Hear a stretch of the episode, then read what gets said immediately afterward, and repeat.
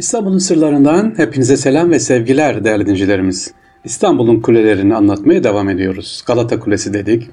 İstanbul'un sembolü olan kulelerden bir tanesi. Daha önce anlatmıştık. Şimdi neyi anlatacağız? Beyazıt Kulesi'ni. Ondan önce neyi anlatmıştık sevgili dinleyicilerimiz? Kız Kulesi'ni anlatmıştık. Geriye ne kaldı? Adalet Kulesi kaldı. İnşallah. Evet, Beyazıt Kulesi. Sevgili dinleyiciler, Beyazıt, Beyazıt semtinde yangınları gözetlemek ve haber vermek için İstanbul'un bugünkü Beyaz semtinde ilk olarak 2. Beyazıt Fatih'in oğlu tarafından, Sultan Beyazıt tarafından ahşap olarak inşa ediliyor. 85 metre yüksekliğinde kulemiz.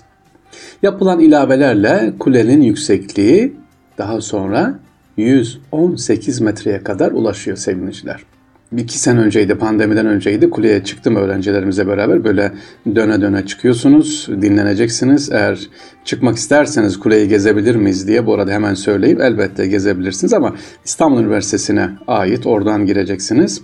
Oradan girdiğiniz zaman gezebilirsiniz. Eğer kuleye yukarıya kadar çıkmak isterseniz böyle döne döne dediğim gibi e, epey böyle dinlenerek çıkabileceksiniz. Tepeden tabii baktığınız zaman çok güzel manzarası. Özellikle fotoğraf meraklıları varsa fotoğraf çekmek için Beyazıt Kulesi'ne mutlaka çıkmalarını tavsiye ederim sevgiliciler.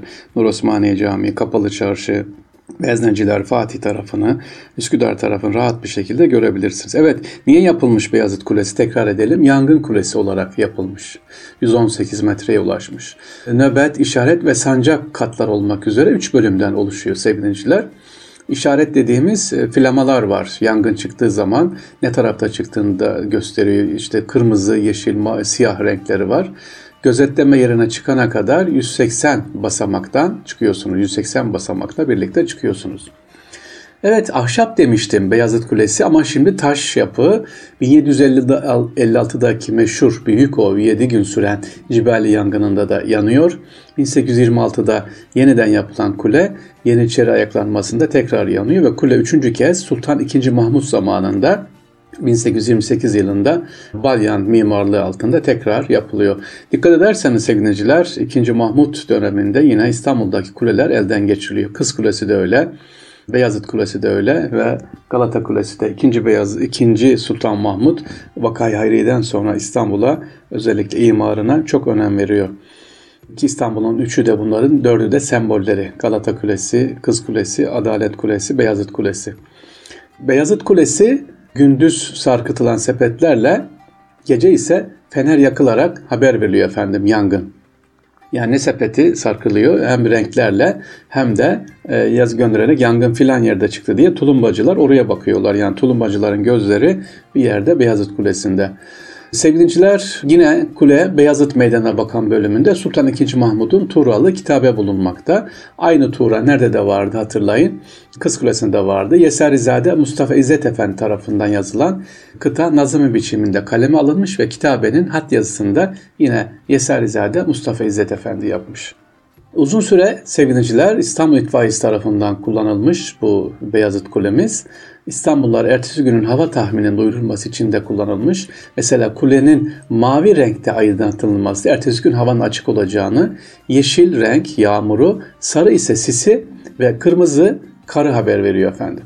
Evet bu da güzel bir haber değil mi? Yeşil yağmuru, mavi havanın açık olacağını, e, sarı sisi ve kırmızı da kar yağacağını haber veriyor. Bu uygulama 1995 yılında son verilmiş. İstanbul e, Büyükşehir Belediyesi'nin girişimi 2010 yılında da e, tekrar başlamış sevgiliciler. Restorasyon yapıldı. Dediğim gibi şu anda İstanbul Üniversitesi'nin merkez kampüsü içerisinde yer alıyor. Arzu edenler İstanbul'un özellikle Beyazıt Kulesi'ni gidip görebilirler sevgiliciler. Evet sevgili dinciler, Adalet Kulesi. Şimdi anlatacağımız kule ise Adalet Kulesi. İlk olarak Fatih Sultan Mehmet Han döneminde sevgiliciler inşa ediliyor Adalet Kulesi. Kanuni Sultan Süleyman tarafından 1527 ve 1529'da genişletiliyor. İkinci Mahmut tarafından da kulenin üst kısımları yeniden yapılıyor. Kulenin özelliği ne? Harem ile divanın toplandığı kubbe altı arasında yer alıyor. Sarayın en yüksek yapısı. Boğaz'dan bakıldığında sarayın en belirgin bölümü. Süliyet içerisinde anıtsal bir yeri var buranın. Osmanlı Sultanı'nın ya da Osmanlı Devleti'nin sonsuz adaletini sembolize ediyor. Uzaktan bakıldığında dediğim gibi herkesin görmesi ve e, Osmanlı Devleti'nin adaletinden emin olması için amaçlanmış.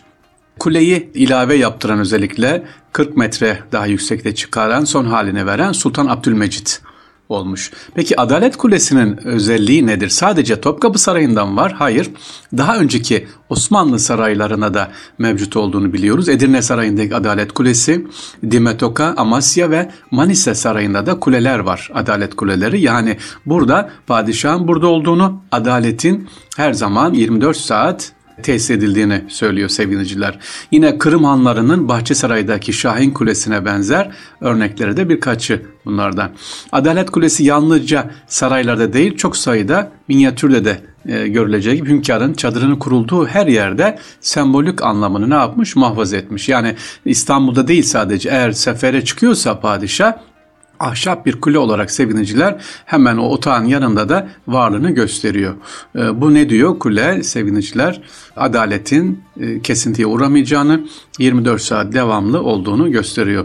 Özellikle Adalet Kulesi'nin seviniciler bir başka özelliği ise sembolik olarak yüksekliği o İstanbul'da bu. İstanbul'daki Adalet Kulesi'nden daha yüksek olamaz kuleler böyle yaptı. Mesela yeni mimari yapı. Ee, bununla ilgili Hidiv Kasrı e, yapılıyor. Hidiv Kasrı çok güzel Boğaz'ın Anadolu yakasında. Fakat bakılıyor ki Adalet Kulesi gibi kule yaptırmış Hidiv e, Paşa. Hidiv Kasrı'nı yaptıran ama Abdülhamit Han dönemi duyuluyor tabii bu. Sultan Abdülhamit Han zarif bir mektupla ve şiirle kulenin yıktırılmasını sağlıyor ve Adalet Kulesi'nden daha aşağıya gelmesini sağlıyor. Onun için bu e, kule, Hidiv Kasrı'na e, Güdük Kule ya da Güdük Kasır diye bir ara seviniciler söylenmiştir. Adalet Kulesi seviniciler İstanbul'un dediğim gibi önemli kulelerinden bir tanesidir. Dört kuleyi anlattık size. Adalet Kulesi, Kız Kulesi, Galata Kulesi ve Beyazıt Kulesi dedik sevgiliciler.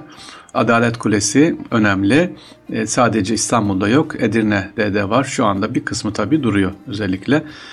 İstanbul'un sırlarından sevgiliciler hepinize selam ve sevgiler diyoruz efendim. Allah'a emanet olunuz.